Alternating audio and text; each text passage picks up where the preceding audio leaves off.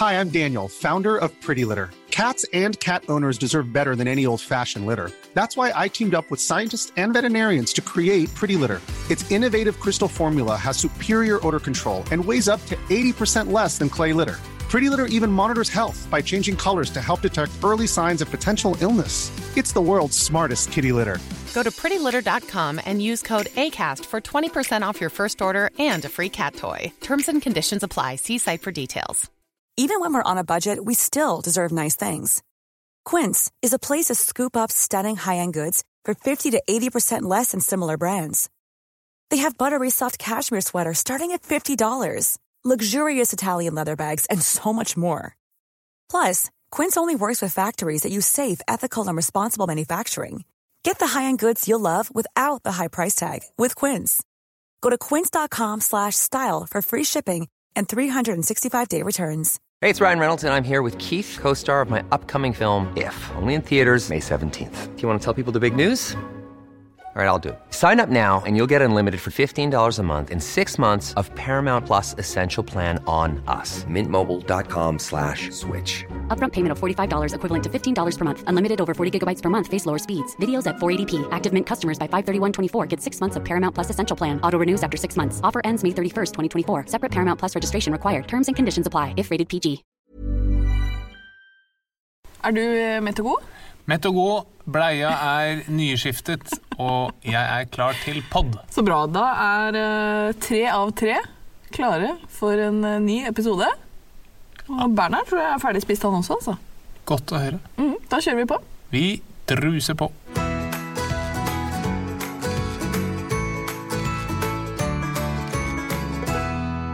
Hallo, alle sammen, og hjertelig velkommen til en ny episode av Åpen journal.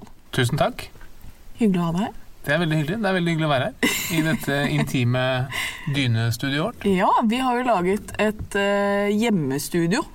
Uh, Hjemmepodkaststudio. Og det uh, er jo litt slitsomt, fordi du er så nøye. Så nå sitter vi under to dyner, og jeg må sitte i hva slags stilling? Er I misjonær. Det er ikke misjonær. Men det er veldig ubehagelig å sitte sånn som jeg sitter, i hvert fall. Men Ja. jeg må lene meg fram mot en mikrofon under en dyne. Dette gjør vi for de som hører på, og det er verdt eh, å ha det litt vondt en kort periode Ja. for at de som hører på skal få en best mulig opplevelse. Det er jeg helt enig i. For endelig så er vi tilbake etter to uker i babybobla. Hvordan har det vært, Harald? Det har vært veldig fint. Det er jo uh, saker og ting som har skjedd. Veldig gøy, veldig hyggelig. Det har vært uh, Ja, plutselig er alt annet litt mindre viktig. Så det har vært veldig gøy. Men også veldig hyggelig å være her tilbake sammen med deg, selv om jeg for så vidt har vært sammen med deg hele tiden. Meg har du vært sammen med hele tiden. Men det er veldig hyggelig å lage podkast igjen. Men grunnen til at vi har tatt oss en eh, liten pause, det er jo at lille Bernhard, vår lille sønn, kom fire uker før tiden. Ehm, og det var jo en veldig fin overraskelse. Eh, og en overraskelse som vi skal snakke oss litt gjennom. eh, for vi skal ja, i denne episoden snakke om fødsel. Vi skal snakke om hva vi tenkte da vannet gikk hjemme, hvordan fødselen var. Og kort fortalt så kan jeg jo avsløre at det var en eh, fødsel som Den kunne vel liksom knapt gått bedre, egentlig. Ja, jeg tror vi var veldig, veldig heldige. Ja. eh, Og så er vi veldig heldige som får lov å føde i det landet vi bor i. Det er Fordi, helt riktig. For et helsevesen vi har. Ja, Vi har fått eh, så god behandling på Ullevål sykehus. Um, vi skal høre klipp fra selve fødselen. Grugleder meg til det. Skal vi snakke om hvordan det har vært for deg og for meg å bli mamma og pappa. Og så skal vi snakke om hvorfor du har meldt deg inn i Foreningen for uh, enslige foreldre. Ja. Ja. Og så skal vi høre hvordan vi ble vekket opp uh, første morgen etter fødselen. Da Katrinas egne innebygde vekkerklokke vekket oss opp. Nei, det skal vi ikke. Jo. Det skal vi ikke. Men uh, det blir en deilig fødselsepisode med en god del barneinnhold. Så de som ikke er så interessert i fødsel, de kan kanskje vente til neste uke. Tror du det? Jeg tror, jeg, tror det, jeg, skal prøve å veie litt opp, sånn at det er også ja, interessant og gøy for de som ikke har barn. Oi, spennende. Snakke litt om hva ulempen med å ha barn, f.eks. Ok, det er kanskje litt tidlig å finne mange ulemper etter to uker. Ja, men altså, det er masse ulemper med å få barn. Ok, greit. Eh, trivelig blir dette, kjenner jeg. Det blir bra. Vi kjører videre. Vi får jo ta det fra starten. Eh, Ja, det startet jo i New York. ja, vi skal ikke ta det helt fra starten. Vi trenger ikke å snakke om hvordan jeg ble gravid. Um, men termindato for lille Bernhard det var 28. september. Men pga. at jeg har diabetes, så skulle jeg sette i gang, settes i gang to uker før det, altså i uke 38. Um, så vi fikk en dato. Uh, 10. september tror jeg de forespeilte oss. Ja. Ja. Eh, og settes i gang, bare for at liksom, folk skjønner det. Hva gjør man egentlig da? Arian? Nei, da bare starter du fødselen. Enkelt og greit. I de fleste tilfeller så venter man bare til fødselen kommer i gang eh, av seg selv. Ja? Mens når man setter i gang, så eh, fremskynder man den prosessen. Så man bare sier at i dag så begynner vi, og da gjør man en del greier med kroppen som gjør at fødselen starter. Ja. Så hos meg skulle de bl.a. sette opp en eh, ballong i livmorhalsen. Prøve å utvide den, og så skal du få litt eh, ja, eh, medisiner som gjør at du setter i gang rier og sånn. Det kan jo ta veldig lang tid da, når Ja. man settes i gang. Så eh, vi har jo forberedt oss veldig på den datoen, og må jo si at jeg var veldig glad da det skjedde naturlig. Selv om det skjedde litt før tiden. Ja, altså nå er vi glad for det. Ja. Men da det skjedde, så var det jo kanskje litt ekstra spennende. Ja, fordi eh, vannet gikk jo på en søndag, fire uker før eh, termindato. Eh, vi ante fred og ingen fare. Eh, vi hadde hatt en helg hvor du hadde jobbet eh, intenst med din legeklinikk. Ja. Og jeg hadde vært lørdag kveld konferansier på en eventjobb i Holmestrand. Og det vil si at jeg var ute på en øy hvor det var fergetilgang 24 timer før mitt vann gikk. Yes. Ja. Så det var glad du ble ferdig der. Eh, for jeg har jo følt meg helt sånn Jeg har følt meg veldig fin, men jeg har følt meg også veldig gravid. Så eh, jeg har jo vært litt redd for å dra ut av Oslo, for jeg har tenkt at jeg kom til å føde tidligere. Ja, For det var jo en viss tur en uke før med svigerfamilien din som du pent eh, hoppet over. Ja. Av hensyn til eh, nært forestående fødsel. Ikke sant? Eh, og en uke etterpå så skjedde det jo. Eh, men det som i hvert fall var bra, var jo at jeg var i Oslo, og ikke minst at du også var i Oslo da dette vannet gikk. Fordi eh, man blir jo veldig satt ut. Jeg ble i hvert fall det. Du og jeg skulle legge oss. Vi hadde spist taco, sett film. Eh, og så gikk jeg på do, og idet jeg liksom skal reise meg fra do, så tisser jeg liksom litt til. Eh, Trodde du. Trodde jeg. Eh, For man har jo ikke helt kontroll på blæra når man er gravid. Så da du kom inn på badet, så sa jeg at eh, nå tror jeg liksom at jeg tissa litt ekstra, men det kan også ha vært bitte litt fostervann som kom. Jeg aner ikke. Og så sier du, da ringer vi Ullevål og hører. Og man føler jo alltid at man maser på fødende ikke sant, når man ringer sånn. Eh, Men da skal det sies at da hadde vi jo faktisk ikke ringt fødende den eneste gang før det. Så da tenkte vi at uh, nå gjør vi det. Yes. Vi ringer, får beskjed om at uh, jeg skal skifte truse og se om eh, det kommer noe vann i den trusa. Og da lurer jeg på, hvordan visste de at du hadde på en sur truse? En sur truse. Ja. Skifte truse? Ja. ja, for trusa var jo litt våt. Ja, og Ja. så var det noen bremsespor. Nei, det var det ikke. Så da i hvert fall så tar jeg på meg en ny truse og begynner å pusse tenna sammen med deg ved siden av meg. Og så sier du liksom bare man, Hvordan kan du si den lyden? Splash. Splash, ja. Da går vannet. Da var det ingen tvil lenger. Og da ble jeg kvalm og måtte sette meg ned. For da ble jeg Da skjønner man jo at nå på en måte skjer det jo. Og hva tenkte du? Nei, jeg tenkte vel stort sett det samme. Nå er vi nå er det i gang. Nå kommer den. Ja. Nå klarer den ikke å vente lenger. Nei, for du var jo ganske rolig. Jeg tenkte jo herregud, det er fire uker før termin. Eh, dette har vi ikke planlagt i det hele tatt. Eh, og jeg har tenkt at du kom til å bli ganske stressa i forhold til fødsel, men du øh, forbeholdt deg ganske liksom rolig i starten. Ja, utrolig nok så kobla et eller annet inn, så jeg bare tok det veldig pent. Ja. Eh, du hadde jo i forkant sagt at det du var mest redd for, var at det nye vegg-til-vegg-teppet skulle bli eh, farget med fostervann. Ja. Fordi du har jo valgt et vegg-til-vegg-teppe som ikke er fostervannsfarget i utgangspunktet. Nei, det har det ikke. For det kunne vært et alternativ. Ja. Men det hadde du ikke. Men heldigvis så gikk dette foster, altså vannet gikk på badet. Ja. Og når vannet går, hva betyr det? At fødselen kanskje er i gang? Ja, fordi barnet ligger jo i en eh, ballong fullt med væske inni der, og når det går hull på den, så renner alt vannet ut gjennom øh, fødselskanalen. Ja. Så da gikk eh, vannet, og da øh, var fødebagen nesten klar. Tvert imot. For jeg hadde jo da planer om å pakke fødebagen dagen etterpå.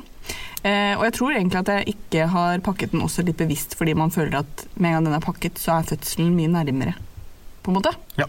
Så mens jeg da setter meg ned på do, og vannet renner, og jeg er kvalm og alt som er, så må du google. Yes. Men det gikk bra, det. Og det er jo heldigvis bare sånn her litt ekstra tøy og mobillader og sånn. Ja, Så du pakka fødebagen ut fra Google. Eh, vi glemte jo alt eh, han skulle ha med seg. Ja, man tenker liksom ikke Det er veldig spesielt. Man eh, tenker jo ikke helt over at man eh, er tre som skal hjem. Nei. Eller tre som skal ha nytt uh, tøy. Nei. Så vi ordna til to. Vi ordna til to. Eh, og så satte vi oss i eh, bilen eh, med relativt høy puls. Nå er vi i bilen på vei til Ullevål. Vannet har gått. Klokka er eh, ti over tolv. Hva syns du om forberedelsene til mannen din når det gjelder fødebag? tror jeg jo den mest uforberedte mannen eh, kanskje som kommer til føden. Men jeg er ikke så veldig mye mer forberedt selv, for jeg hadde tenkt å pakke fødebagen i morgen. Men jeg rakk å google fødebag. Du rakk å google det, og du rakk å pakke litt, eh, mens jeg satt på do og kjente at vannet rant. Så dette er veldig spennende. Jeg har ikke vondt akkurat nå, men det renner jo masse vann i bilsetet. De skinnsetene tror jeg må byttes. Men vegg-til-vegg-teppet mitt eh, holdt seg unna, så det var veldig digg. En siste hilsen før vi eh, forhåpentligvis får hilse på han med Eh, bare at eh, vi er veldig spente og krysser veldig fingrene for at alt går bra. Alt kommer til å gå så bra. Ja, det var noen tanker som for gjennom hodet mitt, i hvert fall, i bilen. Eh, Åssen gikk det med skinnsetene? Jeg tror faktisk det gikk bra. Ja. Jeg har ikke sett noen merker. Men jeg vasket ganske godt da jeg satt utenfor og ventet eh, på deg. Okay. Ja, fordi du måtte jo uh, sitte utenfor og vente. Hvordan var det? Det var ganske spennende, men jeg visste liksom at uh, idet jeg kom, altså, i det det begynte å skje noe, så fikk jeg komme inn. Så det var egentlig helt greit å sitte utenfor der. Ja. Og så tenkte jeg at det er veldig fint at man får være med på fødsel. Sånn at, at jeg må vente utenfor handler jo om risiko for, altså redusere risiko for smitte inn på fødeavdelingen. Ja. Fordi hvis det kommer noe koronasmitte der, så kan jo ikke noen fedre være med inn. Så jeg tenker at dette får vi fedre bare stå i. Ja. Sitte utenfor og lese avis eller eh, andre ting. Nå sitter jeg i bilen, og Katarina har gått inn, og nå undersøkes hun av gynekologen, og jeg følger med på FaceTime. Og hun er en helt, og vi har motet oppe. Og dette kommer til å gå kjempebra. Gjør det så forsiktig som jeg men alt er liksom lovlig. Vi kommer tilbake med mer.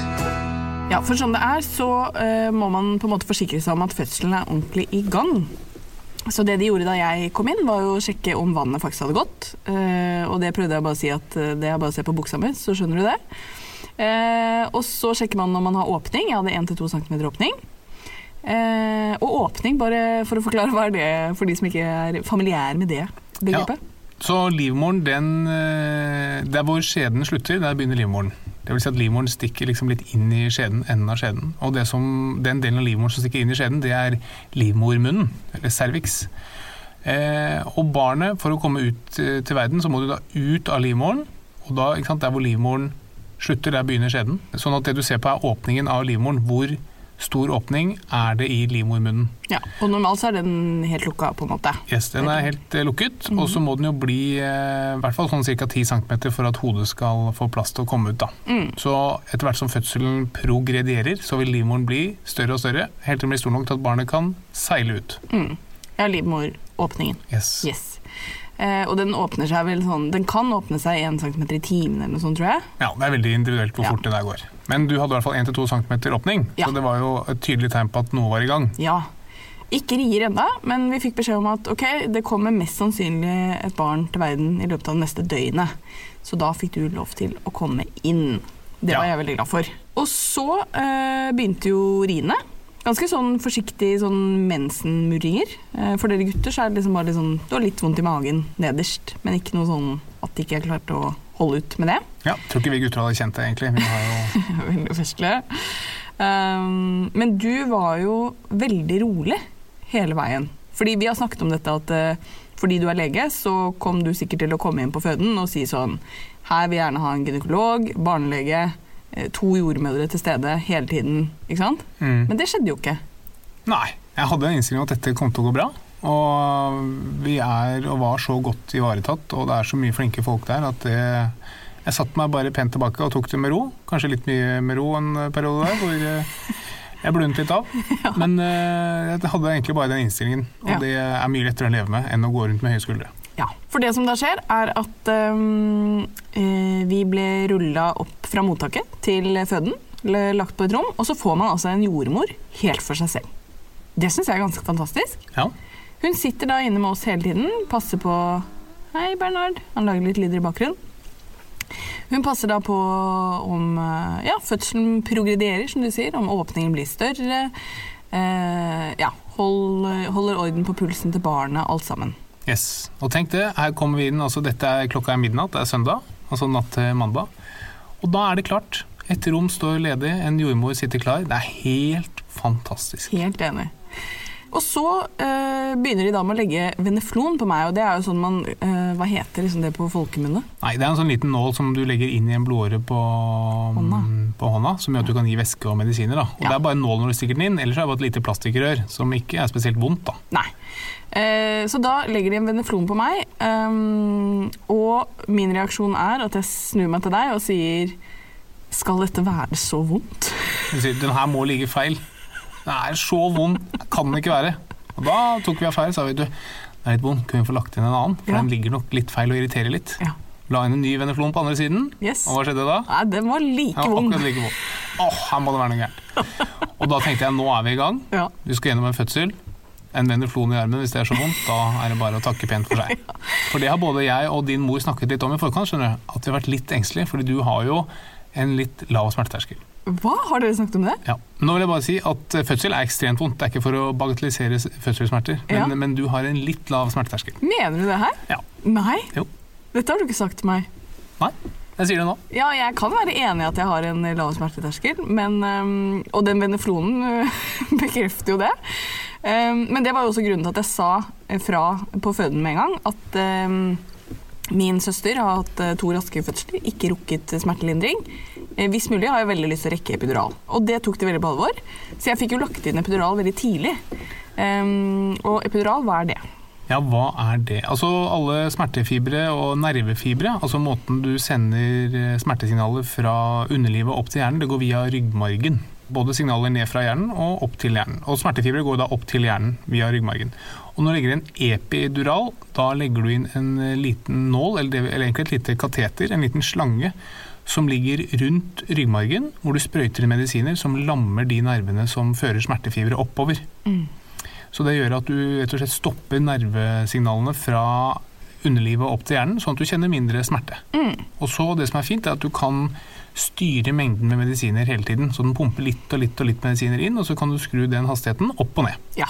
Så hos meg så la de bare inn på en måte tilgangen til eh, epiduralen, eh, sånn at den kunne gis, men ventet med å gi det. Ikke sant? Ja, nei, de starter med en gang å gi litt. Grann. Ja, De ga en støtdose. ja, sånn og så står den og går på en viss, an, en viss antall milliliter per time. Ja, men det var ganske lavt, da. Så jeg kjente fortsatt riene, um, som hadde begynt å komme. Og uh, ba de også vente med å, å gi mer, fordi jeg tenkte at dette kommer til å bli vondere. Så det er greit å ha litt å gå på. Ja. Og det skal sies at den tar ikke all smerte, og den tar ikke smertene fra alle delene av fødselen heller. Nei. Så slutten uh, hjelper den ikke på, på en måte. Eh, men det var jo veldig deilig å eh, få epidural, og eh, jeg må jo si det at det er veldig mange som sier at, at man ikke rekker det. Og hva vil egentlig det si? Eh, nei, altså det er jo i og med at eh, den ikke tar så mye av smertene mot slutten av fødselen, så hvis du har kommet så så langt i fødselen, så vil det ikke ha noen effekt å gi epidural. Og det er jo også ganske vanskelig å sette epidural på en kvinne som ligger og vrir seg i smerte og ligger og presser. Det går ikke. Nei. Og det var jo sånn da vi satt, eller da det ble satt epidural på deg, så måtte du ta pause, kunne ikke jobbe under riene. Du måtte liksom jobbe mellom riene da, så Ja. du var også avhengig av å ha litt mellomrom mellom riene. Og, og også der så fikk jo jeg sånn blodtrykksfall og ble kvalm. Ja, det også, men det er, det er ikke noe godt å bli stukket bak der, altså. Nei, det men det. øhm, det var jo Ja, du er utrolig flink og sterk kvinne, men øh, du er kanskje velsignet med en litt lavere smerteterskel enn det andre. Ja, men den terskelen er det ikke jeg som bestemmer hvordan den skal være, vet du. Så Hvem er det da? det er Vår Herre? Ja, Vår Herre som har Ok. ut, utstyrt meg med den. Men en veldig snill og flink anestesilege som ble vekket opp fra hennes øh, sikkert sårt trengte søvn for Ja. å sette en epidural på oss, og det er vi veldig glad for. Og etter hvert som eh, riene tok seg opp, så skrudde vi opp eh, epiduralen også. Um, og da tok du deg en liten hvil. Da tok jeg en uh, liten cowboystrekk er det man sier. En god soldat hviler når han kan. Da har eh, Harald slukna. Han ligger og sover. Nei, nei, nei. Å ja, du ligger ikke og sover? Tok bare en liten uh, Ok. Det er helt greit at du tar deg en pust i bakken. Jeg har fått epidural etter å ha fått rier som kan beskrives som eh, vondt. Men nå er alt på stell. Vi håper at dette går bra. Så lenge Harald får hvilt, så er jo selvfølgelig det viktigste ivaretatt. Jeg skal prøve å sove nå. Krysser fingrene for at det går bra.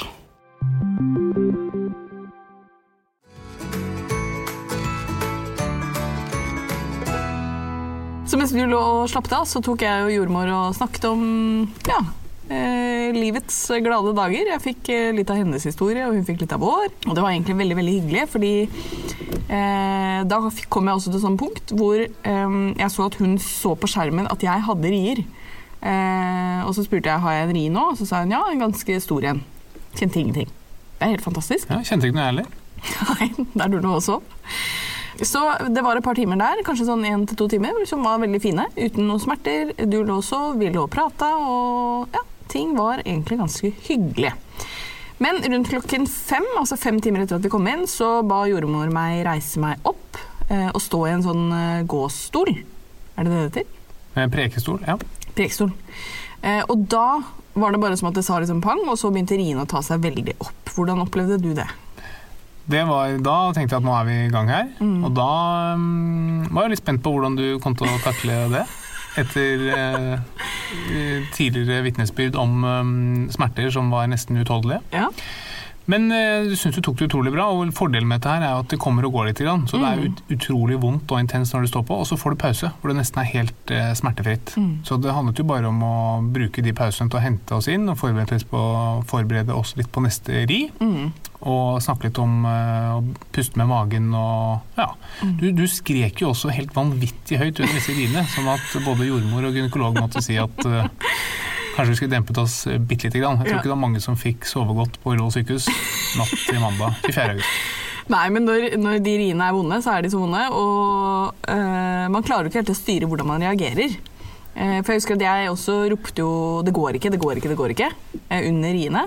Og så får man jo den pausen som er helt magisk, hvor du bare ikke har vondt i det hele tatt. Um, og da reiste jeg meg liksom opp og sa til deg sånn Du, når jeg sier at dette ikke går, så går dette kjempefint, jeg altså, Harald, så ikke tenk på det. Og så kom det en ny ri hvor jeg skrek at dette går ikke. Ja, det var veldig fascinerende. Og det er jo man er liksom redd for å måtte gå over til keisersnitt fordi det er så smertefullt. Og, Men så veldig godt å høre at du sa mellom riene at eh, jo da, dette kommer til å gå. Dette kommer til å gå. Eh, men eh, det er klart det var vondt, og du tok deg jo også friheten til å trykke på rekord under en av disse riene. Ja, nå kommer det igjen. Å, for faen. Kom igjen, da. Nei. Bare. Åh. Åh. Åh. Åh. Åh. Åh, faen, altså. Ja. Åh. Åh. Nei. Åh. Åh. Åh. Åh. Åh. Åh. Åh. Ja, hvordan er det for deg å høre dette om igjen? Nei, det er ganske tøft, egentlig. Jeg syns det høres mer ubehagelig ut nå enn jeg opplevde det da. Mm, det er jeg egentlig litt enig i. Eller nei, det er jeg jo ikke enig i. Nei, men da, da vi sto i det da, så hadde du litt mer kontroll, og du jobber jo for noe fantastisk. Og nå høres det jo bare vondt og forferdelig ut. Ja. Eh, for det var veldig vondt, men det varer heldigvis ikke så lenge. Og jeg visste også at disse nedpressriene ikke kom til å liksom vare så lenge. Men eh, noe av liksom grunnen til at eh, jeg tror også jeg syns det liksom var ganske skummelt på det tidspunktet, er at jeg visste ikke hvor vondt det kom til å bli. Altså Hadde noen sagt at dette er det vondeste du kommer til å ha, så tror jeg jeg hadde lettere klart å stå i det. Men du blir så redd fordi det hele tiden blir vondere og vondere for at herregud, jeg er, liksom på fem av ti nå, og så er vi på ti av ti om eh, en halvtime. Den frykten kjente jeg veldig på. Og det er jo en veldig viktig del av all form for smerte. Den usikkerheten og utryggheten både på hva det skyldes, og om det blir verre. Mm, ikke sant? Um, og så begynte jeg å kjenne at babyens hode er på vei ned. Eh, det er jo en veldig rar følelse. Ehm, og jeg kunne også på et tidspunkt eh, kjenne inn i skjeden og kjenne hodet hans. Og det var hun jordmoren flink å si. Hun sa sånn, kom her og kjenn. For da kjenner du liksom at det er fremgang. Og du skjønner jo viktigheten av det du gjør. da. For du var ganske sliten på et tidspunkt. Og jeg tror det når han kom med hodet sitt nedover i eh, maskineriet der, det var veldig viktig for at du skulle hente resten av eh, urkraften som eh, bor i deg. For så fikk jeg jo um, etter hvert eh, beskjed om at jeg skulle legge meg liksom i en sånn presstilling. Hvor jeg, du ligger som i en gynekologstol. da. Um, og da ble det jo uh, så vondt etter hvert, fordi mellom riene så ligger jo han da såpass langt ned at han bare utvider alt som er. Og det var jo veldig vondt. Ehm, men så ga det meg veldig veldig mye motivasjon uh, at du på en måte heiet og hjalp til. Og på et tidspunkt så så jo du også at liksom hodet Hey, it's Ryan Reynolds, and I'm here with Keith, co star of my upcoming film, If, only in theaters, May 17th. Do you want to tell people the big news? All right, I'll do it. Sign up now and you'll get unlimited for $15 a month and six months of Paramount Plus Essential Plan on us. Mintmobile.com slash switch. Upfront payment of $45 equivalent to $15 per month. Unlimited over 40 gigabytes per month. Face lower speeds. Videos at 480p. Active Mint customers by 531.24 get six months of Paramount Plus Essential Plan. Auto renews after six months. Offer ends May 31st, 2024. Separate Paramount Plus registration required. Terms and conditions apply if rated PG. Life is full of what ifs. Some awesome, like what if AI could fold your laundry? And some, well, less awesome, like what if you have unexpected medical costs? United Healthcare can help get you covered with Health Protector Guard fixed indemnity insurance plans. They supplement your primary plan to help you manage out of pocket costs. No deductibles, no enrollment periods, and especially no more what ifs. Visit uh1.com to find the Health Protector Guard plan for you. Hey Dave, Yeah, Randy. since we founded Bombus, we've always said our socks, underwear, and t shirts are super soft. Any new ideas? Maybe sublimely soft. Or disgustingly cozy? Wait, what? I got it. Bombus. Absurdly comfortable essentials for yourself And for those facing homelessness. because one purchased equals one donated. Wow, did we just write an ad? Yes. Bombas. Big comfort for everyone. Go to bombas.com slash ACAST and use code ACAST for 20% off your first purchase. Begynte å komme. Og da husker jeg at du begynte å gråte. Ja, det var veldig spesielt. For Ja. da Fram til da hadde på en måte alt vært litt sånn abstrakt. Du har en mage som vokser, vi har sett på ultralyd og sånn, men, men da begynte du å skjønne at her er det faktisk et lite menneske som eh, kommer ut, og som skal kalle deg for mamma og meg for pappa. Og da, det var sånn øyeblikk hvor jeg bare helt ukontrollert mistet eh, mistet kontrollen over egne følelser. Og da begynte jeg å gråte veldig. Eh, ja, det var et veldig flott eh, øyeblikk. Jeg begynner å gråte nå, jeg. Det er liksom barselhormonene som gjør at jeg gråter en del om dagen. Ja. Men eh, jeg syns i hvert fall det ga meg så mye motivasjon. Jeg titta opp på deg, og så gråt du, og så skjønte jeg at du hadde sett liksom første syn av han. Og så forsvinner jo på en måte hodet inn igjen, da, under disse presseriene. Ja, og det var da hun jordmoren sa at hun var svensk, da. Så hun lurte på om det var fordi han kom ut og så en stygg svensk eh, kjerring. At det var derfor han stakk hodet inn igjen. Som jeg syntes var veldig morsomt akkurat der og da. Selv om jeg skjønner at eh, det sikkert var en standardfrase hun brukte. Ja. Hun var, ikke, hun var en veldig flott eh, svensk jordmor, så hun var ikke stygg i det hele tatt. Så han kom ut til slutt, og det kan godt ha vært fordi han ville, ville til denne svenske damen. Ja. Men før han kom, så øh, Som du sier nå, så titta jo du titt ofte der nede. Mm. Og det syns jeg er liksom fint å høre hvordan du som mann syns øh, var. Fordi jeg har vel i forkant av fødsel egentlig tenkt at ikke det var så viktig for meg at du trengte, å- trengte å se så mye der nede eh, under fødselen. For det er jo, jeg vet, jeg har jo vært med på fødsel selv i, som student og syns at det er jo brutalt. Så hva tenker du egentlig om, eh, om det du fikk se, og hvordan du opplevde det? Mm, jeg syns det var veldig flott. Var fantastisk å se. Og når du ser hodet hans på vei ut, det er jo på en måte litt uh, vulgært, men uh, man kobler litt sånn over eh, fra ett modus. Altså Ofte når jeg titter her nede, så er det i en annen sammenheng. Da er det kanskje en litt mer eh, lystig sammenheng. Ja. Eh, mens nå var det mer en eh, jobb som skulle gjøres, og et nytt menneske som skulle til.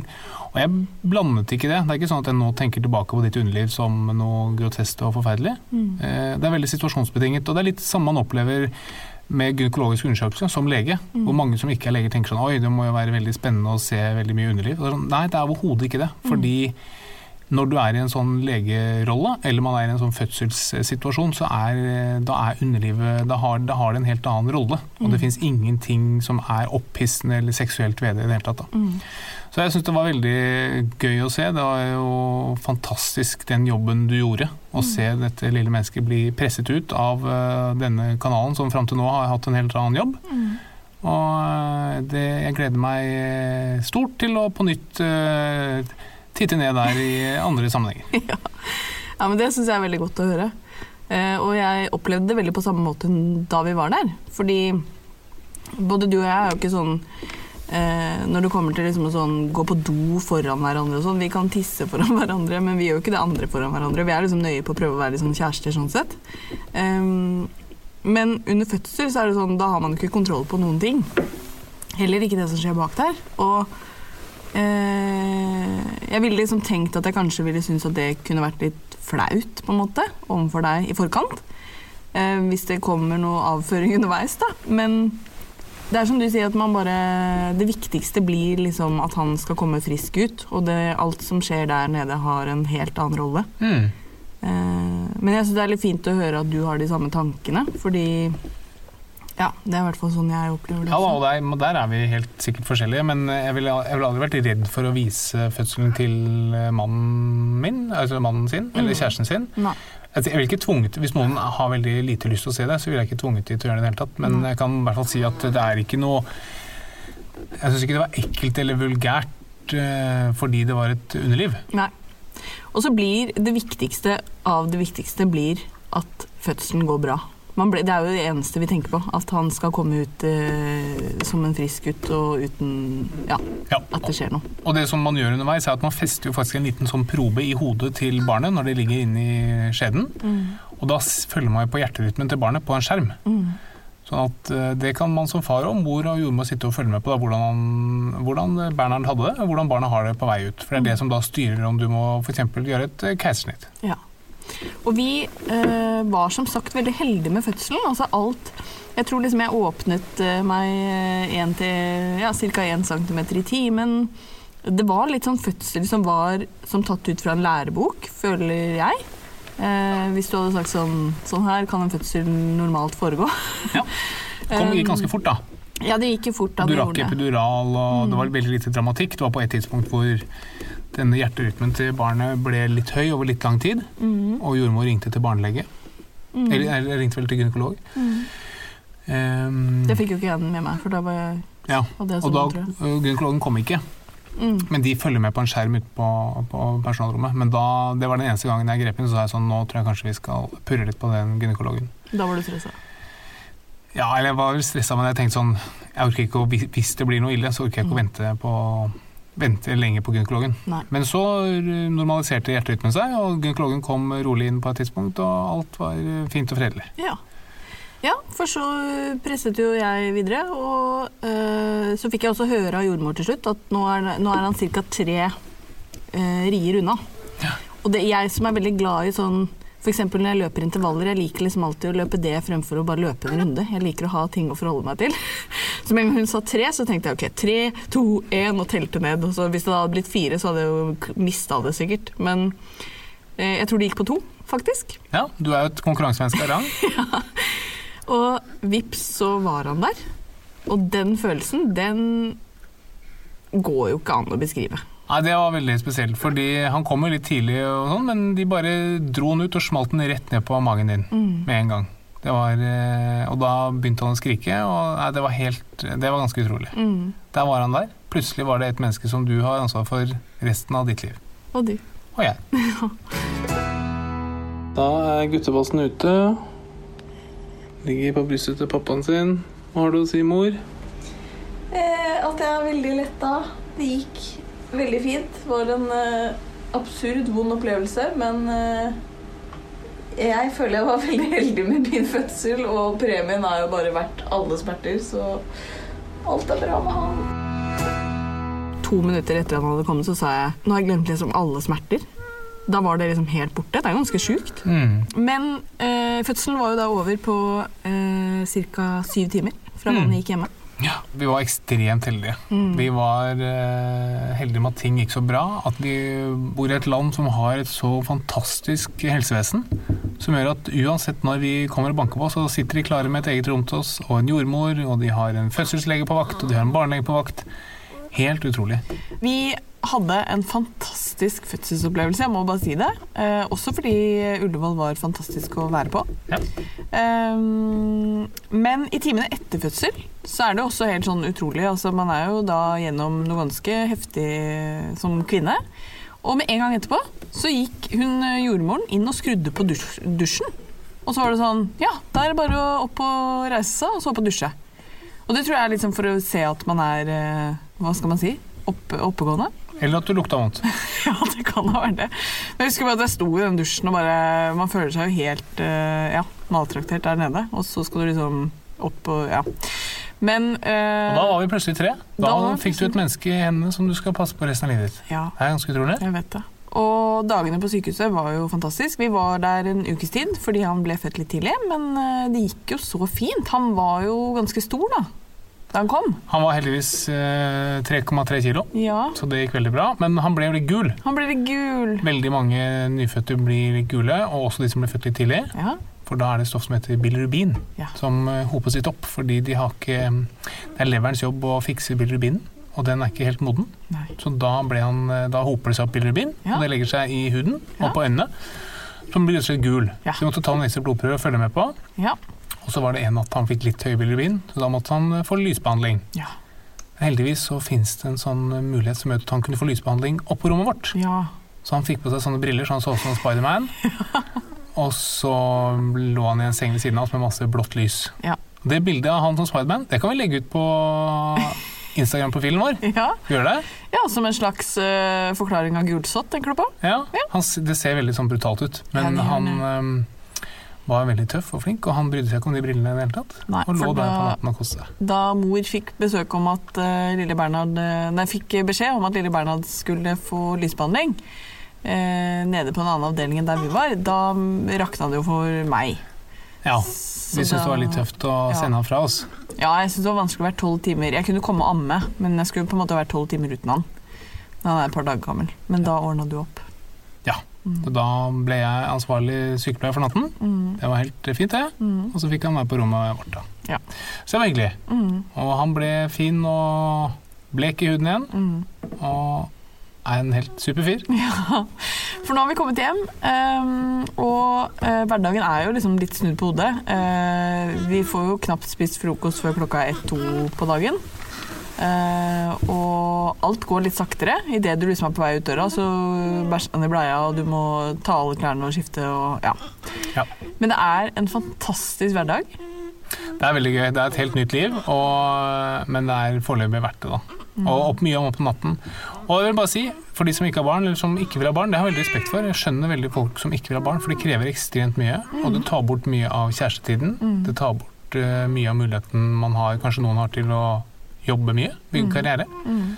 Så jeg har veldig stor respekt for det. Jeg skjønner det veldig godt. For meg så var det ikke noe alternativ, men Mm. uh, det skjønner jeg. Ja, og det er veldig sant, fordi um, det byr jo på noen utfordringer når man får barn. Altså, jeg merker jo at uh, uansett eh, Jeg liksom er jo ti ganger mer forelska i deg når jeg ser deg som pappa, enn på en måte før. Fordi man bare får sånn Herregud, for en kjærlighet jeg får for deg nå òg. Men jeg merker jo at med litt mindre søvn, så får jeg kortere lunte, og det gjør du òg. så jeg skjønner jo at liksom, det byr på utfordringer etter hvert, da, fordi man bare har mindre å gå på, rett og slett. Ja. Så man, man ofrer veldig, veldig mye. Mm. Og for de som tenker at det er å ofre for mye, det skjønner jeg veldig, veldig godt. Mm. Men apropos det, så har jo du også meldt deg inn i en eh, forening for enslige foreldre. Eh, Det gjorde du dag to, tror jeg, etter fødsel. Hvorfor det? Nei, Jeg så på liksom hvor mye det krevde av oss, altså hvor vanskelig det var. Vi to er jo to friske mennesker med fint apparat rundt oss, og, sånn, og vi ble ganske slitne Mm. av å ha en frisk liten gutt. Og da tenkte jeg tenk å gjøre dette her alene. Mm. Og da var jeg sikkert litt i sånn barsel eh, følelsesmessig labil. Mm. Så da gikk jeg inn og meldte meg som støttemedlem der, da. Og Ja. det koster jo ingenting. Og jeg tenker liksom, det skal, jeg har fått veldig respekt for folk som ha barn uh, alene, altså forsørge barn alene. For det, det krever så ekstremt mye. Og jeg har ikke skjønt hvor mye det krever å være forelder, og i hvert fall ikke aleneforelder. Så de uh, par hundre kronene der i året som støttemedlem, det er, blir en uh, symbolsk gest fra min side om at jeg har veldig stor respekt for de som forsørger barn alene. Mm. Det er en utrolig jobb. og nå har ikke han vært med noen timer med bare én forelder, men bare det å gå på do eller dusje, eller det er ganske vanskelig. Mm. Og hvis du til og med har flere barn, eller til og med har syke barn, eller ikke har et eh, besteforeldre som kan steppe inn Nei, det er all kudos dere. Dere gjør en helt utrolig jobb. Og det er jo veldig lett at man melder seg inn i foreninger som angår en selv. Eh, altså, da jeg fikk diabetes, så meldte jeg meg inn i Diabetesforbundet, ikke sant. Um, så jeg syns det var veldig fint gjort av deg. Uh, og så merker man jo at med en gang man får barn, så er det eh, Barnekreftforeningen Plutselig er det foreninger jeg har liksom lyst til å støtte, fordi Mm. man tenker at eh, nå angår det oss, da. Men, eh, men eh, Og det tenker jeg er liksom fint å prøve å minne seg selv på, at man ikke bare må støtte de tingene som angår en selv. Men, men det er jo lett å la seg engasjere av det, da. Ja da, man gjør jo selvfølgelig det. Jeg mm. husker jeg så på en, en, eh, sånn forelesning, eller en, jeg var på en, eh, et seminar Mm. om parkinson, hvor han eh, jeg husker ikke hva han heter, han som spilte i Tilbake til fremtiden, Mm. han unge gutten der. Mm. Han fikk parkinson i veldig ung alder. Og han sto der og snakket om parkinson og hvor viktig det var å bekjempe parkinson. tenker jeg sånn, ja, Men det hadde vært enda større effekt hvis han ikke hadde det selv. Mm. Fordi nå har han åpenbart egeninteresse av det. Ja. Og etter det så tenkte jeg akkurat som du sier, kanskje man kan melde seg inn i foreninger hvor man ikke har sånn åpenbar egeninteresse. Man bare tenker at her burde man hatt litt mer fokus på det. Eller. Mm. Så kanskje vi skal eh, fremover prøve å finne flere foreninger vi kan støtte, uten Ja. at vi er direkte affisert av det selv. Enig. Kanskje vi skal finne hver vår. Og nå er man selvfølgelig veldig glad i barn, da, og det Mm. til oss, men altså, barn er så fantastiske vesener. og Folk, og, sant? Nå ligger lille Bernhard her, og han koser seg. Han vet jo ikke om han er eh, Altså, han vet ingenting. Han vet ikke om han er hvit eller svart eller Mm. gul eller blå. Han vet ingenting. Han vet ikke noen ting om han eh, er rik eller fattig, eller om han lever i et krigsherred. Han vet ingenting sånt. Mm. Og det er det bare vi rundt som skal fortelle han. Mm. Og det er liksom samfunnet rundt som skal oppdra han til å bli et, en skattebetalende og flink og positiv fyr. Mm. Det er ganske fantastisk. Og der har vi en viktig jobb eh, med å gi han masse trygghet, masse kjærlighet, sånn at han blir en snill og god gutt. Ja. Og så må vi huske på at jeg tror veldig mye av det vonde som er i verden Jeg tror ikke Barn er nok ikke de blir, blir nok, må nok bli fortalt en del ting for å bli slemme selv. Mm. Bare tenk på rasisme som det er mye fokus på nå. Mm. Bernhard bryr, bryr seg jo katta om svarte eller hvite eller sånt. Eller om Mm. han har Vi kunne jo vært eh, at all verdens hudfarge. Han bryr seg ikke om det. Nei. Og han vil aldri tenke at en hudfarge er bedre eller dårligere enn en annen, før noen forteller han det. Mm. Og da er det, det vår jobb å fortelle han de tingene vi står for, Mm. og eh, prøve å få han til å bli en eh, mest mulig trivelig fyr. Mm. Det er litt sånn fint ansvar man kan ha. Og med barn er det veldig lett, for de, har ikke noe, de er ikke forutinntatte. Men kanskje man kunne vært litt sånn med hverandre også. Så klok du har blitt etter at du fikk eh, barn. Takk for det. Det er pappaen til Bernhard. Og det er det fineste jeg vet, når du sier pappaen til Bernhard. Nei, men det er eh, Man får jo noen nye, gjør seg noen nye refleksjoner, og eh, blir nesten et par år eldre med en gang man får barn. Altså, for at nå har livet Tonhild begynt. Et nytt ansvar har blitt gitt til oss. Og det ansvaret det gleder jeg meg skikkelig til å dele med deg. Ja. Jeg også. Likeså. Og Bernhard er enig.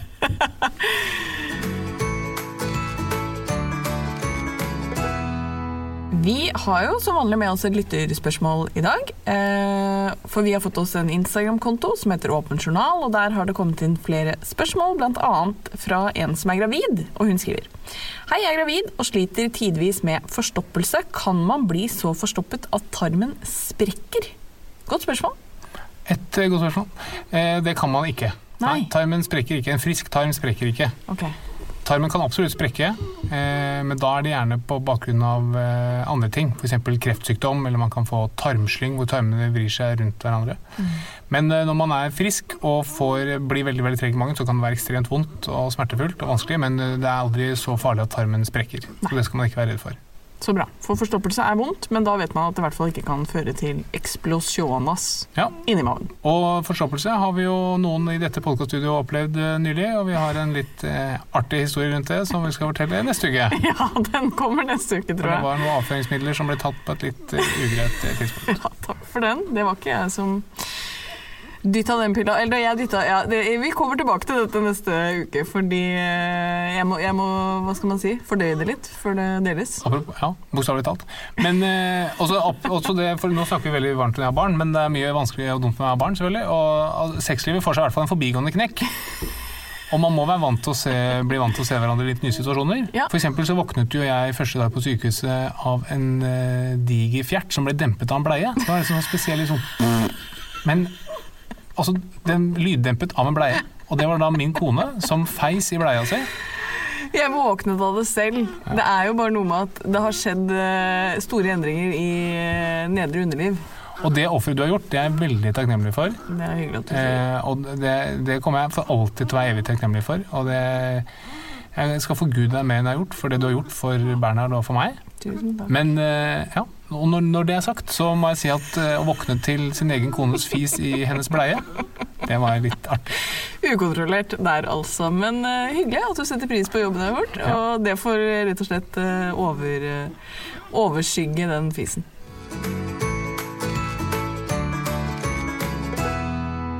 Da er det klar for litt quiz. Er det klart for quiz? Ja. Wow. Fordi du har jo en eh, dobbeltrolle som både medisinstudent eh, snart på siste året, Ja. og mor. Yes. Så dette er jo da eh, en del spørsmål som jeg forventer at du som både mor og medisinstudent skal kunne. Så hvis du ikke klarer å svare på det, så blir jeg skuffet over deg, både som mor Nei, det gjør jeg ikke. Nei, Men som medisinstudent så blir jeg skuffet over deg. Ok, ja, men det kan jeg leve med. Den viktigste rollen nå er mamma. Helt riktig. Vi starter enkelt. Hvor mange knokler, eller altså mange ben i kroppen, har Bernhard, altså et nyfødt barn? Han har eh, enten 250 eller 350, og så blir det færre fordi de vokser sammen. Så jeg går for eh, 350. Så svaret er 300. Oi! Ja, men du har riktig at det blir færre. Hvor mange færre blir det når de er voksne? Dette spørsmålet jeg hatt før i quizen, så jeg forventer at du kan det. Eh, 100 færre. Ja, ganske bra. 94 færre til 206. Ok, så dette var ganske bra. Ja, ganske bra. Takk. Neste spørsmål. Hvor stor er magesekken til et nyfødt barn? Oi, den er sikkert veldig liten. Vil du ha i desiliter eller Det kan det er helt opp til deg. centimeter, eller? Nei, gi meg en målestokk, da. Nøtter. Nøtter? Ok, Um, da tipper jeg at det er like stort som eh, ti peanøtter. Ja, én valnøtt. Nei. Ja. Det er bitte liten, da. Ikke rart Ja. han gulper oppi igjen Ikke rart i det hele tatt. Dæven døtte. Neste spørsmål. Hva er gjennomsnittsalderen for førstegangsfødende i Norge? Den tror jeg er eh, 31. 29,5. Oi. Så du var en litt gammel mor. Ja, på 31. Gammel røy. Gammal røy. Neste spørsmål. Hva er gjennomsnittsalderen for førstegangsfedre i Norge? Oi. Eh, det er sikkert litt eldre enn kvinne, så hvis kvinne er 29,5, så tipper jeg at menn er 31. Ja, ganske bra. 31,8. Oi! Så jeg er da en ung far. Ja. Så her har vi en gammel mor og en litt ung far. Det er derfor du har med de to spørsmålene, liksom. Ja. Neste spørsmål. Hvor gammel er babyen som Britney Spears synger om i Hit Me Baby One More Time? Det vet vi ikke. Hva vil du anta? Eh, 21. At babyen er 21 år? Ja. Det kan sikkert stemme. Tullespørsmål. Neste spørsmål. Hvor mange barn fødes med navlesnor rundt halsen? Åh, det var jeg veldig redd for at skulle skje med Bernhard. Um, hvor mange barn? Hei, Bernhard. Det går fint med deg? Ja, ligger og koser seg.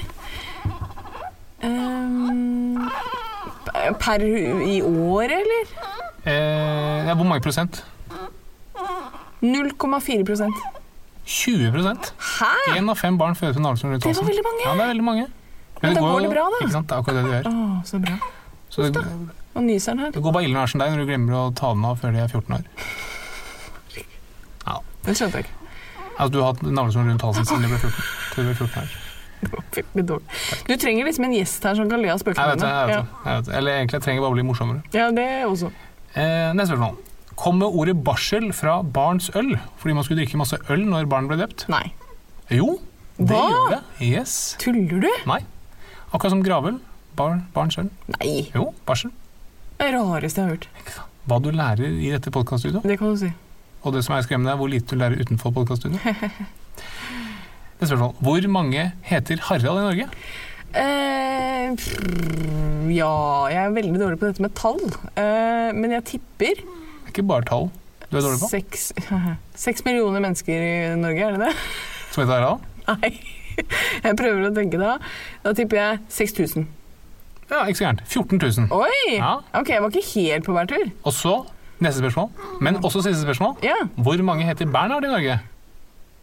Jeg vet at det var sånn ca. ni som ble, fikk det navnet i 2019. Ja, så 14 000 heter altså Harald. Ja. For å sette det i målestokk. Da tipper jeg 2000. 228. Nei! Jo. Å, du er helt unik, Bernhard. Ja, du er så unik. Ikke sant? På SSB, Ja. Statistisk sentralbos nettsider, så kan du jo søke på hvor mange som heter Bernhard. Hvor mange står det der? 229? 228, mener jeg. Der står det selvfølgelig 227, for de har ikke registrert Bård Bernhard. Ja, var det 228? Ja. Å, jeg trodde det var 229. Ja, jeg har uh, hukommelse som en uh, amme, ammegivende mor. Ja. Nå er det en som begynner å bli sulten her. Da må jeg få mat. Ja, Eh, Var det siste Det var siste spørsmål, ja. Fantastisk. Du klarte deg helt middels. Tusen takk. Eh, skal vi spise, Bernhard? Yes, og du får lage deg noe ostesmørbrød eller noe sånt. Og neste quiz blir, nei, neste podd blir kanskje med mindre barneskrik. Det skal vi prøve på, og med en gjest. Med en ordentlig gjest. Ja. Du, dette var uh, koselig, Harald. Takk for at du kom. Takk for at jeg fikk lov til å komme hit. Det var utrolig hyggelig. Uh, tusen takk for at du hørte på. Vi gleder oss til å fortsette med podkasten utover høsten. Og setter så stor pris på at folk hører hver eneste episode. Det er stas. Det er stor stas. Hilsen fra Bernhard og de 227 andre som også heter Bernhard. Yes. Vi høres neste uke. Nå er det mat. Ha det! Plan B. Hva er det til middag, pappa? I dag blir det billig middag. Ja, nå lanserer Ekstra billigmiddag. Det betyr at du alltid får 20% på et kylling, kjøtt, fisk og vegetarprodukt. Vi har også utviklet raske og enkle oppskrifter som tar utgangspunkt i disse produktene. Oppskriftene finner du på coop.no ekstra. Så se etter billigmiddagssymbolet hos Ekstra, og gjør middagen billig. Hi, I'm Daniel, founder of Pretty Litter. Cats and cat owners deserve better than any old fashioned litter. That's why I teamed up with scientists and veterinarians to create Pretty Litter. Its innovative crystal formula has superior odor control and weighs up to 80% less than clay litter. Pretty Litter even monitors health by changing colors to help detect early signs of potential illness. It's the world's smartest kitty litter. Go to prettylitter.com and use code ACAST for 20% off your first order and a free cat toy. Terms and conditions apply. See site for details. Even when we're on a budget, we still deserve nice things. Quince is a place to scoop up stunning high-end goods for 50 to 80% less than similar brands. They have buttery soft cashmere sweaters starting at $50, luxurious Italian leather bags, and so much more. Plus, Quince only works with factories that use safe, ethical, and responsible manufacturing. Get the high-end goods you'll love without the high price tag with Quince. Go to quince.com slash style for free shipping and 365-day returns. Hey, it's Paige DeSorbo from Giggly Squad. High quality fashion without the price tag. Say hello to Quince. I'm snagging high-end essentials like cozy cashmere sweaters, sleek leather jackets, fine jewelry, and so much more. With Quince being 50 to 80% less than similar brands. And they partner with factories that prioritize safe, ethical, and responsible manufacturing. I love that. Luxury quality within reach. Go to quince.com slash style to get free shipping and 365 day returns on your next order. Quince.com slash style.